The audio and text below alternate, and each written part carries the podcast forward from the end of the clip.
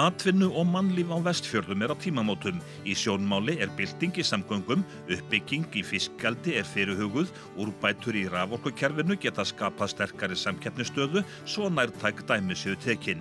Við fjöllum um atvinnulífið á vestfjörðum í landsbyggðum.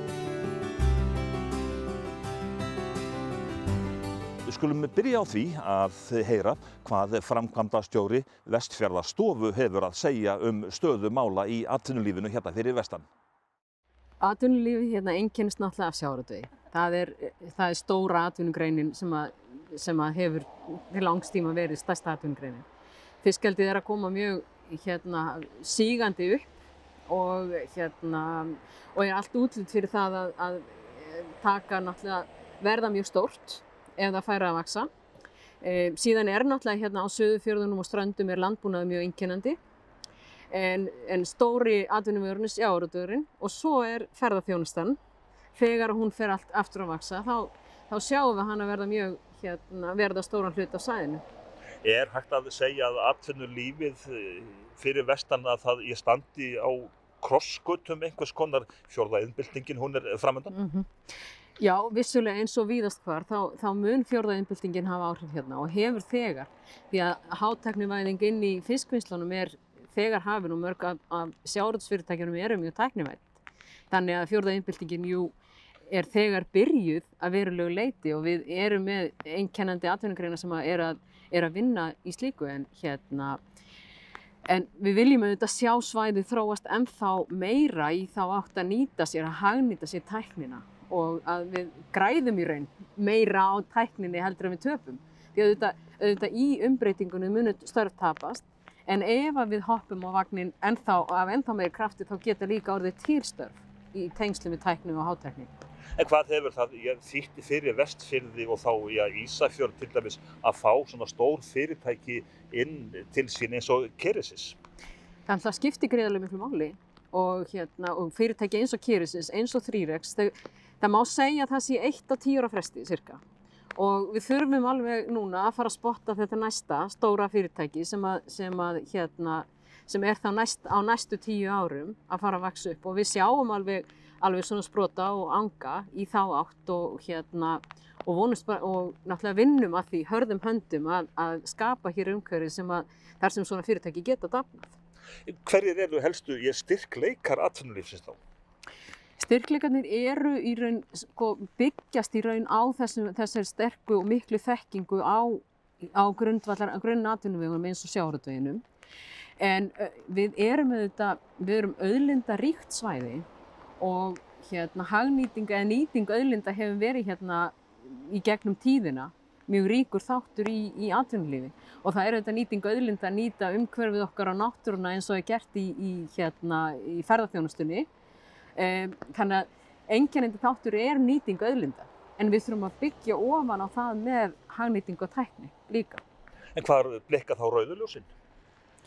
Já, rauðljós blikka náttúrulega líka í því ef okkur tekst ekki að hagnýta tæknina og, hérna, og það, það er vissulega áhyggjafni og við sjáum til dæmis að það var orðið greiðlega mikið að störfum til í, í fiskaldinu um, en störf tapast á móti í sjávaröldveginum í gegnum sjálfvirknivæðingu. Það er mikið talað um mikilvægi nýsköpunar þessa dagana. Mm -hmm. Já, nýsköpunir skiptir gríðarlega miklu máli og við höfum hérna verið að vinna því að, að hér verði til nokkurs konar nýsköpunar og samfélagsmiðstöður í, í byggðakjörnunum. Um, en við þurfum meira og við þurfum öflura og við hérna nýsköpun innan starfandi fyrirtæki skiptir líka miklu máli og þessi öflugu fyrirtæki sem við höfum hérna eru auðvitað að vinna í nýsköpun alla daga. Sérðu fyrir þér að, að nýsköpun hún nái hér að ja, vaksa og dafna eins og vonir eru bundnar við um all land? Já, það sé ég og við höfum, við höfum grunninn til þess og við höfum líka driftina og við höfum þessa vestfisku seglu til þess að láta það verða veruleika og það er, það er mjög mikilsvert. Þú talar um vestfisku segluna. Já, hversu mikilvægt er að seglan sé fyrir hendi? Það hefur já, á undanförnum árum gefið svolítið á bátinn. Já, já, það hefur gefið á bátinn en það hefur líka komið upp í ákvæðir þættir eins og þú nefndir Keresis og Arna og, og vöxtur í, í hérna þrýregs en vissulega hefur gefið á bátinn. En við erum að horfa samt hér á í raun einhverja mestu innviða uppbyggingu í samgöngum mannverkjum sem hefur orðið á, á síðustu já, mörgum, mörgum árum. Þannig að við erum að horfa fjárfestingu í, í dýrafélagöngum sem eru að opna, Dinjandisheiðinni og Guðvitarsveitinni og þetta eru miljardar framkvæmdur. Svo við þurfum að nýta okkur þessa, þessa, hérna, þessa breytingar til þess að vaksa. Með dýrafjörðagöngum þá já, svæðið, það tekur hreinlega bara breytingum atvinnusvæðið. Já, það gerir það. Atvinnusvæðið og líka samfélagið. Því að þetta eru tækifæri fyrir bæði atvinnulíf og samfélag á meiri samgangi, á meiri samstarfi og, hérna, og bara öflura mannlífi. Ertu bjart sín á framtíðina? Já, mjög. Já, Sigriður er bjarsinn. Góður aðgangur atvinnulífsins að ramagni er nöðsynlegur þannig að atvinnulífið getið vaksið og dapnað. Orkubú Vestfjörðan rekur sjö vassapsvirkjanir sem framleiða um 60% af orkunótkun Vestfjörða. Við höfum verið að styrkja mjög innviðin á undanförnum árum, verið að leggja mikið að jarðstrengjum. Í ári erum við að vinna meira í aðviturstöðum eða tengjivirkjum, þannig að við að mörguleiti erum mjög góð. Okkur vantar kannski helst meiri framleiðslu innan okkar veitusvæðis. Það myndi auka mikið orkuöryggið fyrir vesturringa. Uppbygging atvinnulífsins, já, þá er ramagni bara megin fórsendan námast. Já, það eru auðvitað megin fórsenda og, og við erum að tala um ef við ætlum að fá ný atvinnutækifæri inn á svæðið þá er mjög mikilvægt að hafa tryggt ramag því að menn horfið þetta til þess þegar þeir eru að fara í stóra fjárfestingar að hafa örugt ramag. Við getum í sjálfur sér í dag flutt allt eh, það ramag frá megin eh, kerfinu sem þarf er á hér á vesturðan en það er ákveðin uh, sko, það er ákveðin vandamál að vera með eina línu, eina tengingu við megin flutniskerfi ráorku. Til þess að já, auka afhendingar öryggið eins og er kallað, hvað er á tekniborðunum hjá ykkur í þeim verðum? Við erum auðvitað að skoða ymsa virkjunarkosti, erum með rannsóknarleifi fyrir nokkra virkjanir en það má geta þess að samanlagt þá eru landsmet og orkubúið með varaafl á svæðinu fyrir allri forgangsorku sem er í nokkun hér. Sérðu þér þér að já, þið farið út í virkjanir og þá hvers konar og hvar? Ég get nú ekki sagt þér alveg hvar. Við erum að skoða virkjanir nánast um alla vestferði af ýmsum stærðum og gerðum og uh, að lokum munum við auðvitað hefjast handa vonandi en, en við erum með allavega nokkra valkosti til skoðunar. Er það þá svona já, smærri virkjanir, virkjum bæjarlækinir stundu sagt? Já, eru, þetta eru smávirkjanir en það eru kannski á bílinu 2 uh, til 10 uh, megawatt eitthvað svolítið sem við höfum verið að skoða aðalega. En sagt, það er ekki ramaks skortur sem að hrjáir þá endilega atvinnu lífið hérna fyrir vestan?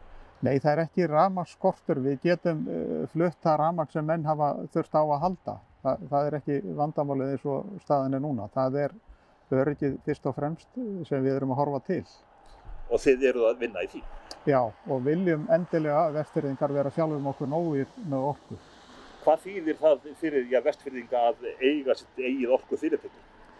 Ég eh, finn það bara að það er gríðarlega mikilvægt. Ég, ég finn meðbyrg með fyrirtækinu og fólk vil hafa vestvist orkufyrirtæki, það vil vestla við vestvist orkufyrirtæki. Þannig að ég finn ekki annað heldur en að það sé mikill meðbyrg með því. Hugum þessu næst að ferðarþjónustu sem hefur elvst fyrir vestan rétt eins og annar staðar á landinu.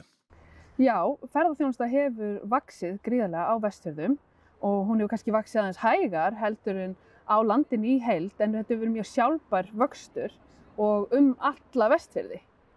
Hvers konar ferðarþjónusta eru það sem að vestfjörðingar eru að leggja sérstaklega áherslu á? Það er í rauninni þessi náttúra tengda, tengda ferðarþjónusta. Það er mikið afþrengu sem byggir eðlilega sjónum og svona hérna, mjúk afþreng, ævintýra afþreng. Það er kajak, siglingar, hestamennska og slíkt. Hvar eru þið þá helst að markað setja landslutan? Uh, við erum þetta bara að vinna mjög hérna, mikið með Íslandsstofu í hérna, markasetningu er, erlendis en við höfum kannski svolítið mikið lagt upp úr uh, heimasíðun okkar og samfélagsmiðlunum og verið svolítið hérna, leiðandi í að byggja upp samfélagsmiðlun okkar. Hvers konar ja, ferðamenn eru það þá helst sem að koma hingað? Hérna koma svona lífsglæði landkönnuðurinn, kallið við það. Það er fólk svona miðjum aldri sem er, hefur hérna, ágætis fjárhag og tilbúið að eyða svolítið í afþreyingu og gistingu og er svona tilbúið að fara aðeins út fyrir ramman. En hvernig eru innviðirnir hérna fyrir vestan, já, til dæmis samgöngur? Já, samgöngur hafa alveg oft þvælst aðeins fyrir okkur en það hefur orðið gríðaleg úrbót síðustu ár og við erum búin að sjá hérna byggjast upp og nú erum við komið með dýrafjörðagöng sem allt í hennu opna hérna vestfjörðaleiðin okkar þannig að jú, vissulega eru ákveðnir faratálmar en þá og verða líklega áfram en, en þetta er að byggjast upp. En dýrafjörðagöngin og vestfjörðaleiðin, það er bara, bara ný leið að opnast í raun og veru? Já, þetta er ferðamannaleið sem við erum að opna núna í loka oktober og verður svona kjarnin í okkar markasetningu uh, og verður þessi nýja ferðamannaleið sem fer í rauninni um vestfyrðina og í Dalabygð á Vesturlandi. En göngin ein og sér vestfyrðingar hafa beði lengi eftir þessum göngum? Svo sannarlega og ég held að það séu enda margir vestfyrðingar sem muni ekki trúa því fyrir að þeir keira fyrsta skipti í gegn að þetta sé orðið að raunveruleika. Já, fyrir bara daglegt líf margra atvinnum svæði til dæmis, það er að stækka þá fyrir ansi marga. Það er það og þetta hefur gríðaleg, þetta er gríðalt framfara skref fyrir okkur í samgöngumálum þannig að þetta mun hérna, breyta tölvöld miklu á vesturinn í heilt. Birgir Gunnarsson er bæjarstjóri Ísafjarðabæjar. Ísafjarðabæjar er langu fjölmennasta sveitafélagið hérna fyrir vestan og þannig lítur hann á stöðuna í atvinnumálum fyrir vestan. Ísafjarðabæri er náttúrulega fjölkjarna sveitafélag og það fylgja því ímsar áskoranir að, að starfa í þannig samfélagi. Styrkleikarnir eru náttúrulega hér er öflug útgerð og við erum náttúrulega eru líka að horfa til þess að, að uppbygging í fiskaldinu verði með þeim hætti sem að menn er að vonast eftir og það náttúrulega finnst manni taka allt og langa tíma leifisveitingar en, en við sjáum fyrir okkur að það verði mikil uppbygging í tengslu við það. Og hér eru við síðan líka með öflug þekkingar og nýsköpunarfyrirtæki, öflugar mentastofnenir, mentaskólinn hérna er á sér langa sögu, var 50 ára á dögunum og þannig að hér er heilmikið kraftur í samfélaginu. Nú, hér fyrir vestan þá svo sem lendu við heldur ekki eins miklum dýfum kannski eins og höfuborgarsvæðið þegar, þegar koma kreppur. Og við kannski njótum ekki heldur þegar verður mikil uppsöfla en, en Atvinnuleysi er ekki mikið hérna sem betur þess og við vonum bara að það verði þannig áfram. En veikleikarnir, hverjir eru þeir? Já, veikleikarnir, sko, við náttúrulega erum að glýma við afleiðingar af COVID og munum vera að glýma við afleiðingar af COVID á næsta ári líka. E, við, e, það er kannski einhafnin sem að háur okkur að, að við erum að lenda dalt í illa í því núna að tapa stórum tekjum úr okkar úr bæjarsjónum út af því að, að, til dæmis skemmtifæraskipin kom ekki. Það er mjög stór tekjupóstur sem við erum að tapa þar út. Eh, þar fyrir utan erum við að tapa út tekjum út af því að við fáum ekki eins mikið framláður jöfnunarsjóði eins og við höfum gert það ráð fyrir. Þannig að bæjarsjóðu verður sennilega reikið með 400 miljónar tapi á þessu ári og því næsta. En, en það mun bara taka tíma að jafna sig á því og, og hérna, við erum bara bjart sín á framtíðina. En hvað er svona eh, innri struktúrin í sveitarfélaginu? Eh, Mundur þú segja að já, þeir innviðir að, að þeir séu nokkuð styrkir og öflugir? Þeir eru það og, og hér er eins og ég segið, hér er bísna mikil fjölbreytni bæði í atvinnulífinu og, og hér er mikil menningarstarfsemi, mikil íþróttalíf. Við erum hérna með já, gríðalega gott skíðasvæði og, og hérna hér er laung hefð fyrir hérna fossavasköngunni sem er haldinn hérna á hverju vetri, stærsta skíðamót vetrarins. Þannig að öflugt lífi í tengslum við knaspuninu. Við erum með uh, hérna, knaspunulið í, í fyrstu deind og hefur verið að standa sér mjög vel og, og við horfum til þess að við getum farið að byggja hérna knatthús vonandi á næsta ári. Það er það sem við viljum horfa til. Það eru íms önnu tækifæri og við erum þessar, þessi missirinn erum við að skoða möguleikan á því að, að að hér verði þjóðgarður á svæði Dinjanda sem að hérna, geti falið í sig mikil tækifæri fyrir svæði í hilsinni. sem aðdættar bara fyrir ferðamenn. Jarðgöngi stóru sem eru hérna fyrir vestan, já, þau, ég leiða meðal annars af sér það að já, svæðið er að verða sagt, bara eitt atvinnu svæði, getur við sagt. Já, það er alveg rétt. Það eru mikil tækifæri sem felast í því að fá göngin og skiptir miklu máli fyrir okkur. Það hefur verið gert heilmikið í samgöngubótum við, við okkur hér fyrir vestan en það þarf að gera heilmikið viðbót svo að menn séu sáttir en, en þetta er allt í rétt átt.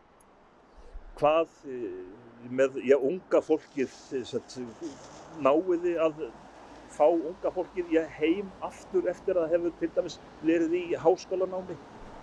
Sko að mörguleiti getum við það en, en auðvitað fyrstum við að geta gert miklu meira í því.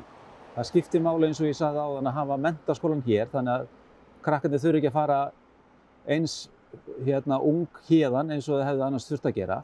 Og síðan er hérna háskólasetur sem að skiptir líka miklu máli og svo eru líka Við sjáum það núna að það eru miklu möguleikar bara í sko, fjarkennslu og, og að sækja sér mentun sko, í, í, með þeim hætti sem að ég held að verði líka miklu veiga meiri inn í framtíðina. Inn í framtíðina segir þú þegar við, við, við hugsaum til framtíðar, hverjar eru helstu áskorun verður myndið þú segja? Já, áskorunar fyrir okkur hérna eru náttúrulega sko atvinnumálin að ná að halda rétt á spöðun og þar, ná að byggja upp fiskaldið áfram eins og við sjáum fyrir okkur að gera og samgöngumálin, það eru gríðalega hérna, miklar áskoranir í tengslu við það. Og það er ekki bara samgöngur á landi, heldur líka í lofti, við erum með flugsamgöngur hérna, daglegt flug sem að, hérna, skiptur okkur gríðalega máli og eins uh, varandi bara samgöngur á sjó Eh, þá voru að fara í mikla uppbyggingu hérna á hafnamannverkjunum hjá okkur á næsta ári. Þannig að, að hérna, þetta skiptir allt máli. Þannig að þú ert tildulega bjassið? Ég er bara mjög bjassið.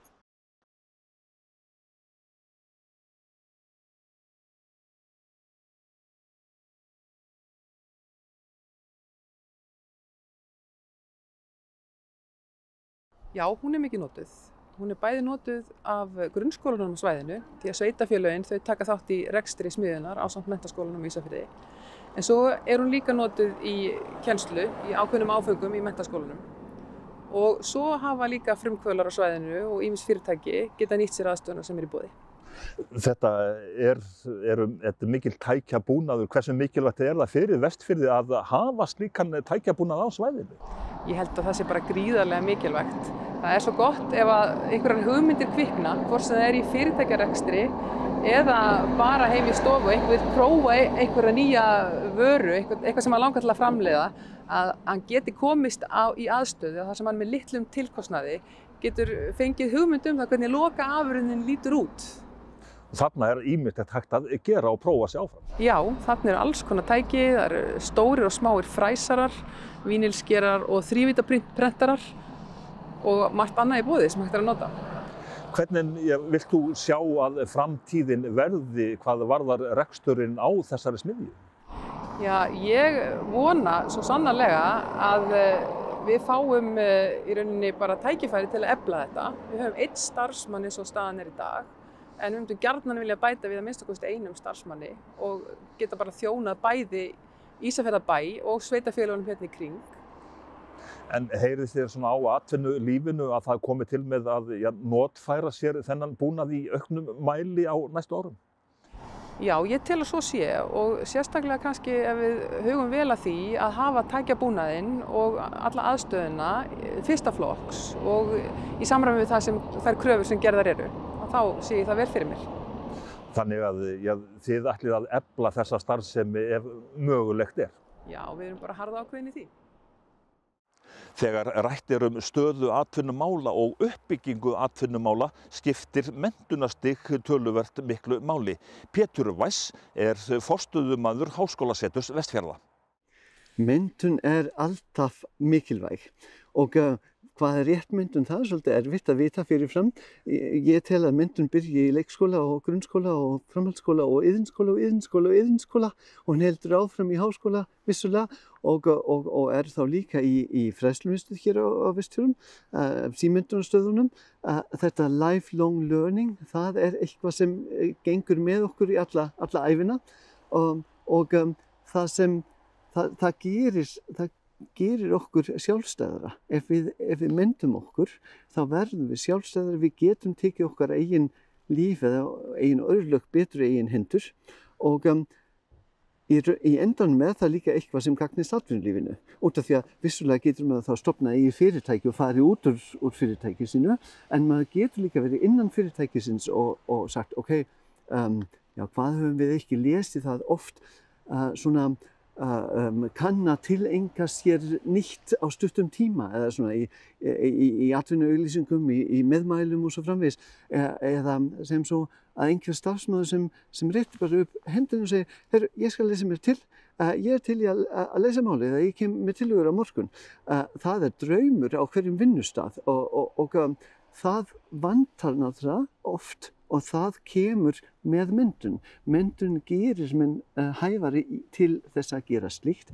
Ég vil meina að myndun sé ekki bara það sem er innan skólaveggja, skóla heldur líka sem svo ef mér vandar, ef mér vandar múrara, þá getur ég náttúrulega um, lært múraraðiðin.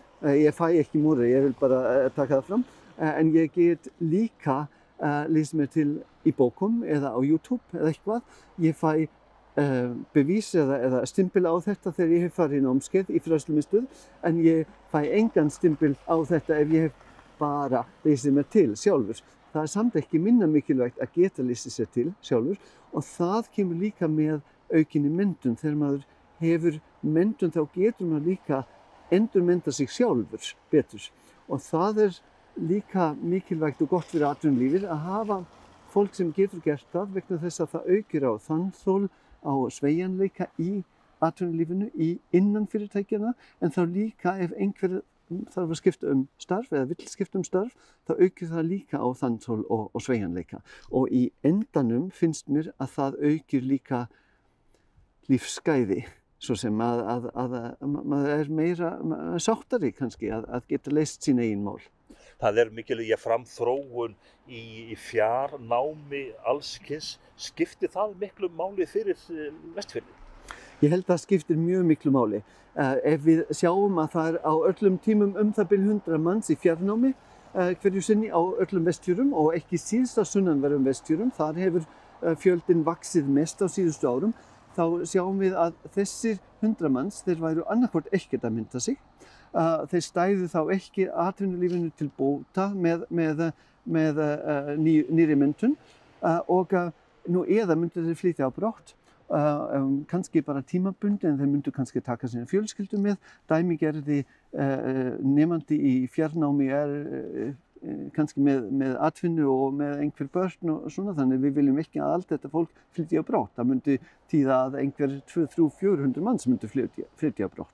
Þannig að er, þess vegna er um, fjarnámið mjög mikilvægt og um, við í háskólasettri við pressum náttúrulega alltaf á háskólana að bjóða upp á meira fjarnám. Uh, á hinn bóin er allt námið í háskólasettri sjálfu í staðnámi vegna þess að háskólasettri vil trekja að til sín nemyndur. Háskólasetrið hérna á Ísafjörði, er það svona að vaksa og dafna?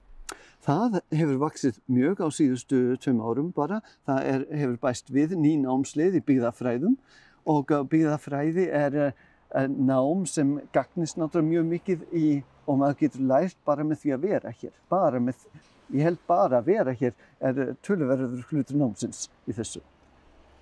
Hvaða kosti sér þú inn í framtíðina hvað já, varðar námsmöguleika fyrir vestan? Sko, uh, við tölum mikið um nám í fiskeldi hér og, og hvað það gæti verið. Um, fiskeldi er mikið vaksandi hér á vestfjörum og skapar mikil, mikil, mikla atvinnu hér um, og þá er alltaf spurning hvaða, hvaða þörf er eiginlega fyrir nám í fiskeldi og gætum við gert eitthvað og nám í fiskeldi er náttúrulega allskins. Það er einhverjir uh, líffræðingar og það er einhverjir uh, dýralæknar sem, sem fást við það og við munum síst mynda, mynda þá. Uh, en svo er þörfin í fiskeldi er ekki síðst bara uh, píparar, uh, rafvirkjar, bara bókarar, einhver sem kann í mannuðstjórnum og svona. Þannig að það er mjög, það er eftirspurnin er mjög breið og það er ekki bara einhver sem kann að fóðra fisk og það, við gleymum því oft að, að svo er og þannig að uh, svona um, atvinnulífi um, gagnist kannski best mjög breið og, og marg, það, um, margbreytileg mentun. Þannig að mentun er máttur. Ég skrifa upp á það, já.